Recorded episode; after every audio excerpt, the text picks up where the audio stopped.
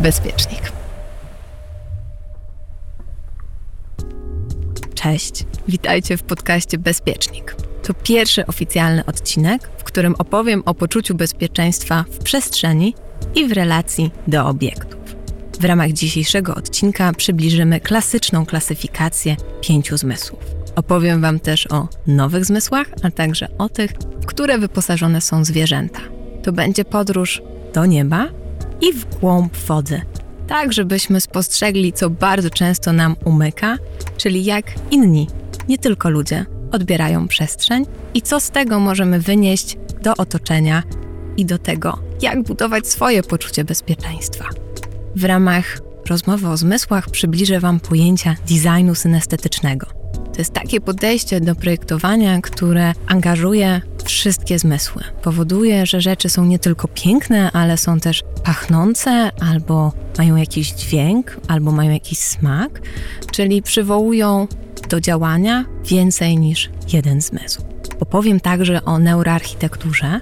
To jest takie podejście do projektowania przestrzeni, które powoduje, że mamy się w niej czuć komfortowo, że mamy być szczęśliwi w neuroarchitekturalnych obiektach, redukuje poczucie stresu i niepokoju. Początkowo neuroarchitektura, która w tej chwili ma praktycznie 70 lat, zajmowała się tworzeniem przestrzeni dla ludzi doświadczonych różnymi chorobami, przede wszystkim Alzheimerem, a teraz jest w dużym stopniu dostępna i wykorzystywana w projektach od przedszkoli przez muzea po budynki wielorodzinne.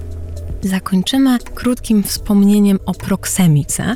To taka nauka, która zajmuje się badaniem wzajemnego wpływu relacji przestrzennych między osobami, tak zwane dystanse personalne, ale dotyczy też relacji między osobami a przestrzenią i osobami a przedmiotami. Jest to o tyle ciekawe, że jest uwarunkowane zarówno psychologicznie, jak i antropologicznie. Czyli to, co w jednych krajach jest dla nas oczywiste, na innej szerokości geograficznej będzie czymś zupełnie nowym albo dziwnym. Przywołam dzisiaj też dwie bardzo ważne dla mnie książki, a właściwie do nich nawiążę, bo gdybyście chcieli dowiedzieć się więcej o zmysłach, to tam myślę, że znajdziecie całkiem sporo wiedzy. A w opisie odcinka nawiążę, wrzucę linki do tych trzech pojęć naukowych. No to startujemy. Bezpiecznik. Blok pierwszy. Poczucie bezpieczeństwa w przestrzeni. W klasycznym podejściu do zmysłów rozróżniamy ich pięć. Mamy dotyk, słuch, pech, smak i wzrok. Zaczęłabym od dotyku. Jest to zmysł dla mnie w moich badaniach i w podejściu do projektowania najważniejszy. Człowiek w momencie narodzin to właśnie ten zmysł ma najbardziej rozwinięty i to za jego pomocą rozpoznaje na przykład mamę albo swoje otoczenie. To nie jest bezpodstawne, że dzieci ubierało się w takie ciasne bety, dlatego, bo poczucie ciepło, cicho, ciasno, ciemno, tak zwane 4C, dawało dzieciom to pierwotne poczucie bezpieczeństwa wynikające z przedłużenia środowiska w brzuchu mamy do tego, co zostały tutaj na zewnątrz. Zmysł dotyku odziedziczyliśmy po naszych zwierzęcych przodkach to iskanie u małp, czyli przebieranie, przeglądanie sierści, jak i podawanie jedzenia z pyska do pyska przekształciły się w gesty czułości, takie jak przytulenia czy pocałunki. W rozmaitych eksperymentach wykazano, że zmysł dotyku odpowiada za nasze zdrowie psychofizyczne. Wykazano, że potrzebujemy czterech dotyków przytuleń, by żyć, ośmiu, by być zdrowymi i dwunastu, by być szczęśliwymi. Dotyczy to zarówno dotyku między ludźmi, jak również dotyku w relacji człowiek-zwierzę. To dlatego też w tych ciężkich czasach izolacji pandemii tak często decydowaliśmy się na adoptowanie zwierzaków. Nie potrzebujemy tylko ludzi do tego, żeby być szczęśliwymi. Potrzebujemy też dotyku innych istot żywych. A głód skóry nowa jednostka chorobowa, znana tak naprawdę nauce od lat 80., zdiagnozowana na początku u więźniów, potem u astronautów, a teraz szeroko obserwowana społecznie, wynika właśnie z braku dotyku innych istot żywych. I to właśnie dotyk, tak często w XXI wieku deprecjonowany, powoduje, że doświadczamy stanów lękowych czy depresyjnych. Zmysł dotyku składa się z kilku zmysłów, nazwanych jako zmysły nowe, i w ich skład wchodzi poczucie ciepła czy zimna, nacisku albo uszkodzenia skóry, bólu. Skóra odpowiadająca za dotyk jest też największym organem człowieka, ma prawie 2 metry kwadratowe. Jest taki piękny cytat z Nabukowa, z Lolity, który bardzo dobrze przedstawia to, czym jest dla nas dotyk. Czy to nie dziwne, że zmysł dotyku, tak nieskończenie mniej ceniony przez ludzi od wzroku, staje się w krytycznych momentach naszym głównym, jeżeli nie jedynym kluczem do rzeczywistości? Myślę, że wielu z nas doświadczyło takich sytuacji, kiedy to właśnie dotyk był tym, co przynosiło nam w życiu największą ulgę.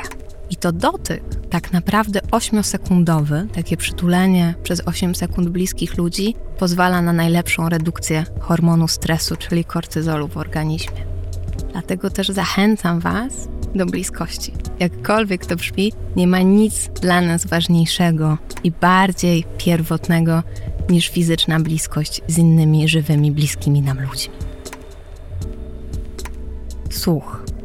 Palasma, skandynawski architekt, który napisał dwie piękne książki o pojmowaniu przestrzeni. Jedna nazywa się Oczy skóry, a druga Myśląca dłoń. Powiedział takie piękne zdanie o słuchu. Słuch strukturyzuje i artykułuje doświadczenie i rozumienie przestrzeni, tworzy poczucie łączności i solidarności. Słuch odpowiada za nasze relacje społeczne, co powoduje, że ludzie niesłyszący radzą sobie dużo gorzej społecznie niż ludzie niewidzący, dlatego bo w momencie utraty słuchu tracimy kontakt z naszym otoczeniem, stracimy możliwość komunikacji. I mimo to, że większość bliskich mi ludzi i osób, z którymi pracuję, tak zwana branża kreatywna zawsze mówi, że gdyby musiała zrezygnować z jakiegoś zmysłu, to byłby to słuch, to niestety tak do końca nie jest. W momencie utraty słuchu, co możemy zaobserwować u osób starszych, następuje wycofanie społeczne i zamknięcie się w sobie. Dlatego dbanie o to, żebyśmy dobrze słyszeli, jest niezwykle ważne i tu Was zachęcam do tego, żeby po pierwsze badać swój słuch, a po drugie nie przeginać z głośnością muzyki, bo uszy, jak to się ładnie mówi, mamy tylko jedne. Tak jak wszyscy wiemy, za słyszenie odpowiadają uszy. Chociaż ciekawostką jest tak zwane słyszenie kostne, czyli to, że kości też przenoszą fale dźwiękowe. To, co słyszymy jako ludzie, dźwięczy, dzwoni w granicy od 16 Hz do 20 kHz. Nie jest to największe możliwe spektrum w świecie istot żywych, ale nie wypadamy też najgorzej. O słuch warto dbać, ale warto też zwrócić uwagę na to, że bardzo często dajemy naszemu mózgowi, umysłowi w obecnym świecie sprzeczne informacje, ponieważ słuch odpowiadał za możliwość odnalezienia się w przestrzeni, ułatwiał nam lokowanie się, w momencie, kiedy poruszamy się po mieście w słuchawkach, i to jeszcze słuchawka, które redukują szum zewnętrzny, bardzo często jest tak, że nasze oczy widzą zagrożenie, a nasze uszy go nie słyszą. Co jest przyczyną i przebodźcowania, i tego, że mózg nie jest w stanie analitycznie ratować nas, informować nas o sytuacjach zagrożenia. Stąd też pojawienie się na rynku słuchawek kostnych, które przewodzą dźwięk do naszego mózgu, ale nie zagłuszają świata zewnętrznego, bardzo często redukując ilość wypadków. Dotyczy to głównie pieszych, rowerzystów czy rolkarzy, ponieważ to oni bardzo często zamyśleni w świecie swojej muzyki nie reagują na bodźce zewnętrzne. Zapach. Nie wiem, czy mieliście kiedyś takie wrażenie, że weszliście gdzieś i poczuliście zapach albo minął was człowiek w windzie, po którym została taka smuga zapachu i ten zapach przeniósł was w jakąś zupełnie inną czasoprzestrzeń. Jest to zmysł, który najpiękniej teleportuje nas w pamięci i warto o niego zadbać. Wspomniany architekt Palasma tak oto opisał zmysł zapachu. Konkretny zapach powoduje, że nieświadomie wchodzimy w przestrzeń całkowicie już zapomnianą, przez pamięć siatkówkową. Nozdrza budzą zapomniany obraz i zaczynamy marzyć. Dla mnie zapach jest niesamowicie ważny i mam taki rytuał, że raz w roku wybieram nowe perfumy, a wyprawa do perfumerii jest podróżą na inną planetę. Proponuję Wam kiedyś zabawić się w takie odkrywanie odorantów, czyli mieszanin, chemicznych mieszanin zapachów, która naprawdę potrafi nam przywrócić wspomnienie z dzieciństwa albo zapomniany targ w Marrakeszu. Jeśli chodzi o zapach, to jest to najstarszy ze zmysłów, zdaniem fizjologów, liczy sobie miliony lat i wyewoluował jeszcze z okresu, kiedy nasi przodkowie byli gadami. Mówi się, że siedzi w gadzim mózgu, najstarszej części naszego mózgu i tak naprawdę niemal u wszystkich kręgowców węch decyduje o przetrwaniu. Pozwala znaleźć pokarm, wykryć wrogów, odszukać partnera, zorientować się w przestrzeni. To on decyduje o tym, że ludzie, którzy wydawali nam się niezwykle atrakcyjni przez internety, w realu okazują się dla nas zupełnie nieatrakcyjni. I myślę, że jest to doświadczenie ostatnich lat, kiedy przerzuciliśmy się na kontakty w sieci, że mamy takie rozczarowania, ponieważ okazuje się w realu, że nasze feromony po prostu ze sobą nie współpracują i jest to zupełnie biologiczne doświadczenie, którego czasem nie potrafimy pojąć naszym umysłem.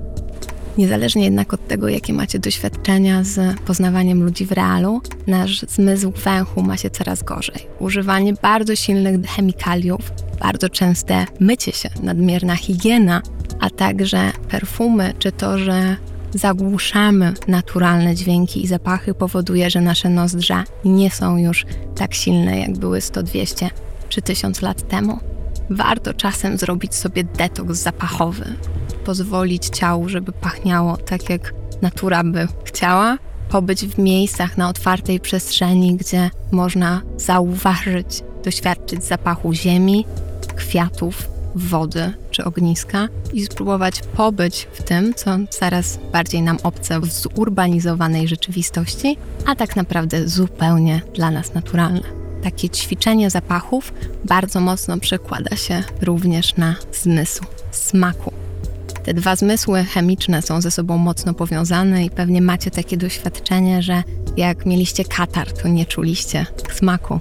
Smak jest związany z jamą ustną i kubki smakowe mamy na języku. Odpowiadają konkretnym czterem receptorom odpowiedzialnym za smak słodki, słony, kwaśny i gorzki. Jest jeszcze piąty receptor, odkryty pierwotnie w 1908 roku i potwierdzony w 2000, tak zwany receptor umami umami to tak naprawdę kwas glutaminianu, to wszystko to, co nam dosmacza i podbija smak. To jest powód, dlaczego frytki z McDonalda tak dobrze smakują. Mają bardzo dużo umami, ale mówi się też, że taki długo gotowany wywar gorzybowy na ramen też jest pełen umami.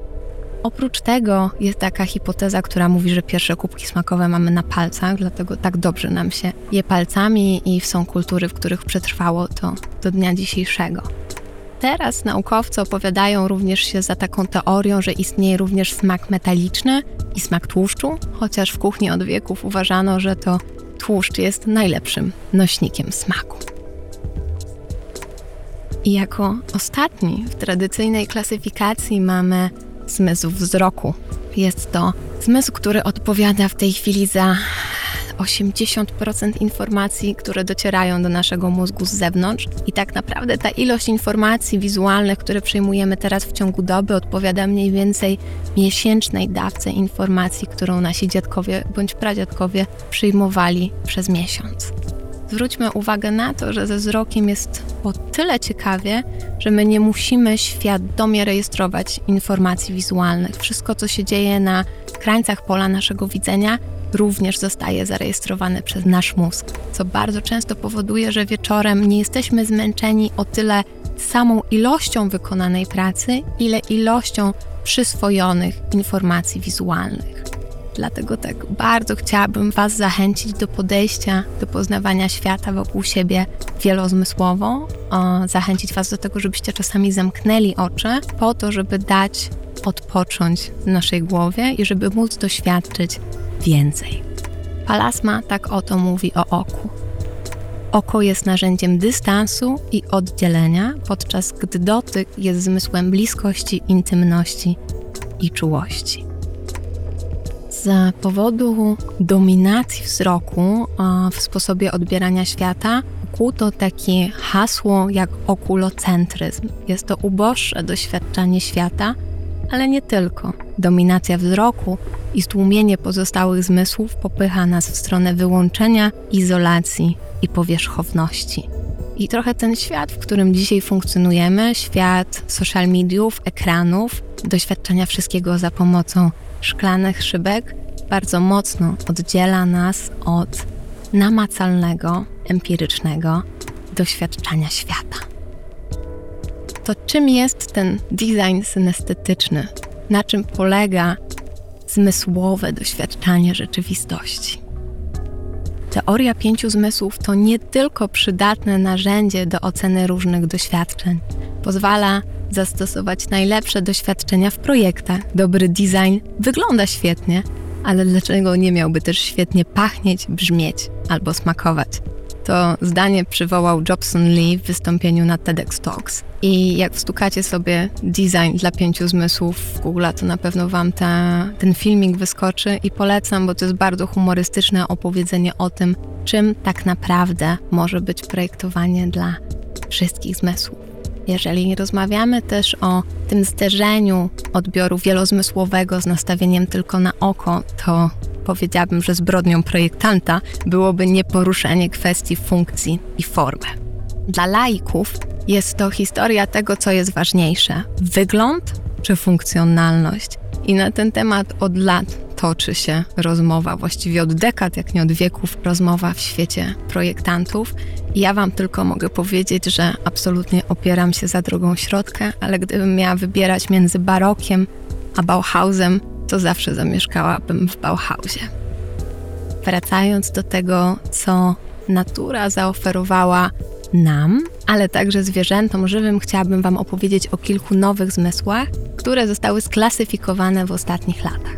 Pierwszym nowym zmysłem jest nocycepia. Jest to zmysł wyróżniony ze zmysłu dotyku, który odpowiada za ból skóry, stawów i narządów. Kolejnym wyodrębnionym zmysłem jest zmysł temperatury, który mówi nie tylko o tym, że jesteśmy w stanie określić temperaturę na zewnątrz, ale przede wszystkim temperaturę wewnątrz naszego organizmu. Na przykład to jest to, kiedy wiemy, że mamy gorączkę. Kolejnym ciekawym zmysłem jest zmysł równowagi, za który odpowiada błędnik. To taki narząd w naszym kanaliku półkolistym w uchu. Zaburzenia błędnika na pewno doświadczyli ci pełnoletni słuchacze, którzy byli kiedyś pijani. To jest ten moment, kiedy świat wokół nas wiruje i nie jesteśmy w stanie iść prosto. A nie polecam nikomu ani w stanu bycia pijanym, ale też e, doświadczenie zaburzeń błędnika powoduje, że nie jesteśmy w stanie robić praktycznie nic, bo każda próba pionizacji powoduje tak zwany efekt helikoptera. To jest taki bardzo, bardzo mały narząd, który tak naprawdę odpowiada za nasze poprawne funkcjonowanie. Ciekawym zmysłem, też odkrytym względnie niedawno, jest prioprocepcja. Jest to zmysł, który odpowiada za świadomość części ciała względem siebie oraz za napięcie mięśniowe. Czyli na przykład, że jak leżymy w łóżku, to wiemy, gdzie jest nasza lewa noga albo prawa ręka.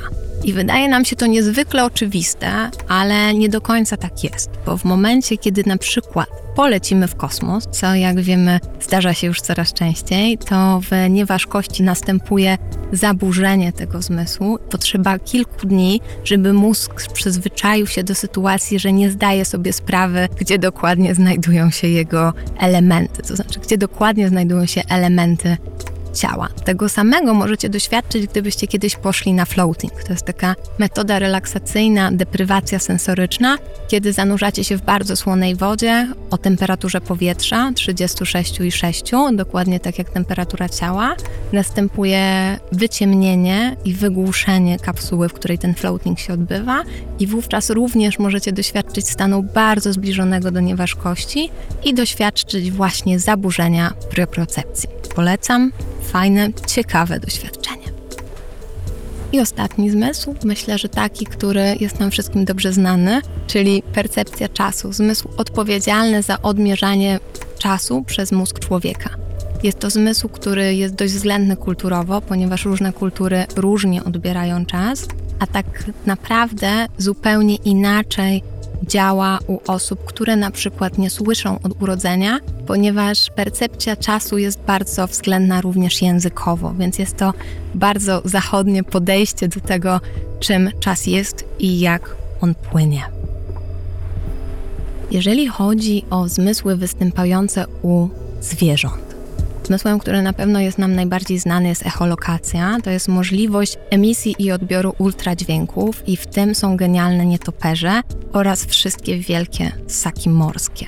Jestem właśnie po cudownej lekturze książki Głębia, Freediving, Zbuntowani badacze i co ocean mówi o nas samych, Jamesa Nestora, który cudownie opowiada o możliwościach echolokacyjnych delfinów czy waleni. Odsyłam Was do tej książki, jeżeli chcielibyście wiedzieć więcej, ale mogę powiedzieć, że na przykład osoby niewidzące e, wykształcają echolokację, w sensie wszyscy mamy w mózgu taką umiejętność. Ona nam ewolucyjnie zanikła, ale siedzi sobie w naszej czarnej skrzynce i w momencie, kiedy jest potrzeba jej użycia, można ją wytrenować. Jest specjalna fundacja, która pomaga ludziom niewidomym się echolokować i tak naprawdę e, jakbyście zaobserwowali wyćwiczone osoby w echolokacji, jak poruszają się po mieście, to nawet byście nie zauważyli, że nie widzą, póki nie doszłoby do zamówienia obiadów w restauracji. Kolejnym takim zmysłem, w który również są wyposażone delfiny, to jest naturalna ultrasonografia, czyli to, że takie zwierzęta jak delfiny widzą nas a, trochę tak, jak a, widzi nas ultrasonograf, jak robią nam USG u lekarza. To jest ciekawe, bo to powoduje, że te zwierzęta są w stanie określić, czy jesteśmy dobrym posiłkiem, czy niekoniecznie. A ryby mają taką umiejętność jak rozpoznawanie kierunku i siły prądu wody dysponują narządem zwanym linią boczną, która umożliwia im odczuwanie zaburzeń otaczającej wody. To powoduje, że ryby mogą migrować na bardzo duże odległości i się nie gubią. Wytwarzanie i rozpoznawanie pól elektrycznych, tak zwana elektrorecepcja, to jest fantastyczny zmysł, który też podobno naukowcy twierdzą, że mieliśmy, mamy w zaniku, ale na przykład genialnie wyposażone są w niego rekiny, które z odległości kilkudziesięciu kilometrów są w stanie wyczuć i zwierzęta, i ludzi w wodzie, ponieważ wszyscy emitujemy wokół siebie pole elektryczne. Mnie ta historia muszę Wam powiedzieć, e, zaskoczyła, bo to też jest historia z tej książki Głębia, o tym, jak rekiny i inne ryby czy płaszczki są w stanie odbierać rzeczywistość właśnie za, za pomocą elektryczności. A drugą niesamowitą historią są wszystkie ryby głębinowe, dla których wykorzystanie pola elektrycznego jest narzędziem do zdobywania pożywienia. Więc e, pewnie przed nami, bo mówi się, że mnisi buddyzmu tybetańskiego z najstarszej szkoły Bon potrafią manipulować swoim polem elektrycznym przez ogrzewanie ciała w bardzo niskich temperaturach albo wybranych partii ciała, ale myślę, że to jest coś, co mogłoby nam się czasami przydać, na przykład właśnie jako supermoc. I ostatni taki określony, nazwany zmysł to jest rozpoznawanie pola magnetycznego, magnetorecepcja. I jest to zmysł, który pozwala na wielkie wędrówki zwierząt, czyli właśnie czy ssaków, czy żółwi morskich, ale też owadów takich jak pszczoły. Też dotarłam do takich informacji, że to jest zmysł, który wykorzystywali pierwotni żeglarze. I są jeszcze plemiona, które potrafią za pomocą tego zmysłu nadal poruszać się po oceanach. Więc e, fantastyczne z tej krótkiej historii o zmysłach jest to, że my wszyscy mamy te zmysły i te prazmysły i te części zmysłów zwierzęcych, które gdybyśmy tylko zaczęli je ćwiczyć bardzo, poszerzyłyby naszą możliwość odbioru świata. W odbiorze rzeczywistości, tym zmysłowym odbiorze rzeczywistości, trzeba sobie zdać sprawę, jak bardzo nasz świat się zmienił. W XIX wieku, jak szliśmy do teatru, to cała sala teatralna wspólnie przeżywała przedstawienie, doświadczenie zmysłowe a wszyscy słyszeli tą samą muzykę, siedzieli na tych samych welurowych siedzeniach, oglądali tą samą scenę oświetloną tymi samymi gazowymi lampami. W tej chwili jakikolwiek kanał streamingowy typu Netflix oferuje nam zupełnie inny dobór filmów. Algorytm dobiera to, co chcemy obejrzeć, i nawet jeżeli oglądamy to w tej samej porze co nasi znajomi, to siedzimy na innej kanapie bądź leżymy w innym łóżku, mamy inne materiały wokół siebie, inne światło, inny zapach i robimy to albo samotnie, albo z najbliższymi nam osobami. W pewnym sensie skończyło się kolektywne doświadczenie świata. A pandemia i lockdown pokazały nam, jak dużo czasu możemy musieć spędzać sami ze sobą bądź z naszym najbliższym otoczeniem i jak bardzo te doświadczenia mogą być różne, a nasz odbiór zmysłowy zastanej rzeczywistości od doświadczenia ludzi, chociażby za ścianą czy pod podłogą.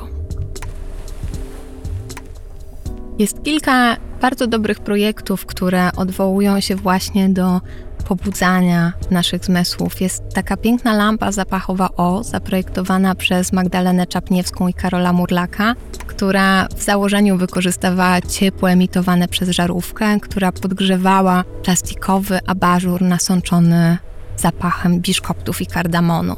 Ta lampa prosta w swojej strukturze i w swojej idei nie tylko dawała ciepłe światło, bo ten abażur był żółty, a ciepłe światło atawistycznie łączy się z ogniem, czyli z tym pierwotnym miejscem zbierania się jaskini, domu, ostoi, a zapach kardamonu, jak wiemy, jest czymś, co nam się bardzo smacznie kojarzy, to ten prosty zabieg dodania pachnącego abażuru do lampy powoduje, że nawet bez gotowania jesteśmy w stanie stworzyć w domu naprawdę przytulną atmosferę. Kolejnym ciekawym rozwiązaniem jest poduszka ułatwiająca zasypianie. To jest taki projekt na pograniczu nauki, designu i nowych technologii. Zrobił to zespół projektowy pod nazwą Somox. To jest robot w kształcie takiego orzeszka, e, takiej fasolki, która oddycha świeci i emituje ciepło, co powoduje, że ułatwia nam głębsze zasypianie, a w czasach pandemii insomni, czyli no, globalnych problemów z bezsennością, wszystko, co wydłuża nasz oddech i co wprowadza nas w stan relaksacji, myślę, że jest bardzo wskazane. Jest też bardzo ładny projekt grupy Pan Generator. Jeżeli nie znacie grupy Pan Generator, to odsyłam, żeby wygooglować. To jest super zespół projektowy, który bardzo mocno działa na pograniczu nowych technologii i w 2000, wydaje mi się, 2014 roku wyszedł taki projekt Taktilu. To, był, to jest koncepcyjna bransoletka, w tamtych czasach stworzona dla par żyjących na odległość, która przekazywała dotyk i w momencie, kiedy ja po jednej stronie pogłaskałam e, bransoletkę, druga osoba posiadająca taką bransoletkę czuła mój dotyk na wewnętrznej stronie nadgarstka, gdzie jest jeden z bardziej wrażliwych elementów skóry.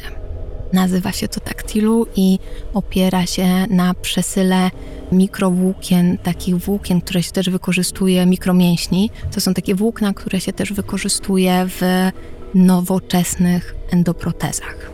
I takich projektów tak naprawdę jest coraz więcej. One są częściowo bardzo zaawansowane technologicznie, częściowo są to rzeczy bardzo proste, tak zwane rozwiązania haptyczne, które znacie z miast. To są te zakończenia chodników przy zejściu na pasy z takimi półkolistymi bąblami, które informują i nas, i osoby niewidzące, że zbliżamy się do krawędzi jezdni. To są na przykład te kocie oczy dzielące pasy na autostradzie, na które jak wjedziemy kołem, to, to czujemy wibrowania na kierownicy. To jest bardzo wiele różnych rozwiązań, które przyjmujemy za oczywistość, a których celem jest nie tylko wyglądać, one zresztą nie zawsze wyglądają, ale celem jest pobudzać inne nasze zmysły, żeby nas zaalarmować o jakiejś zmianie. Cała ta wiedza o zmysłach, o tym, jak reagujemy na przestrzeń, co nam daje odpowiednie naświetlenie mieszkania albo przestrzeni do pracy, albo do nauki, albo jaka wielkość okien, w jakim miejscu powinniśmy mieć światło i w jakiej temperaturze, właśnie łączy ideę designu synestetycznego z neuroarchitekturą, a te dwie rzeczy tak naprawdę finalnie składają się na proksemikę, czyli tą naukę zajmującą się relacjami przestrzeni między ludźmi i między obiektami bądź przestrzeniami.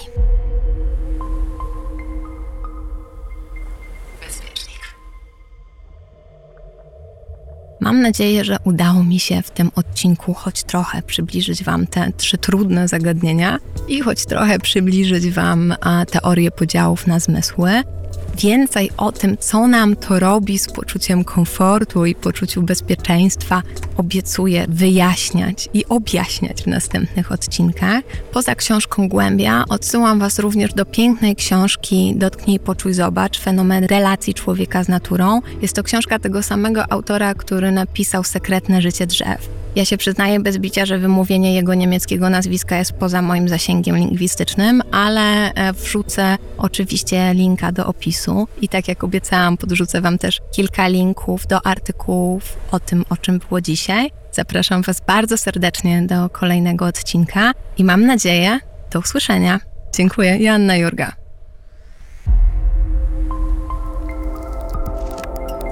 Bezpiecznik. Bezpiecznik.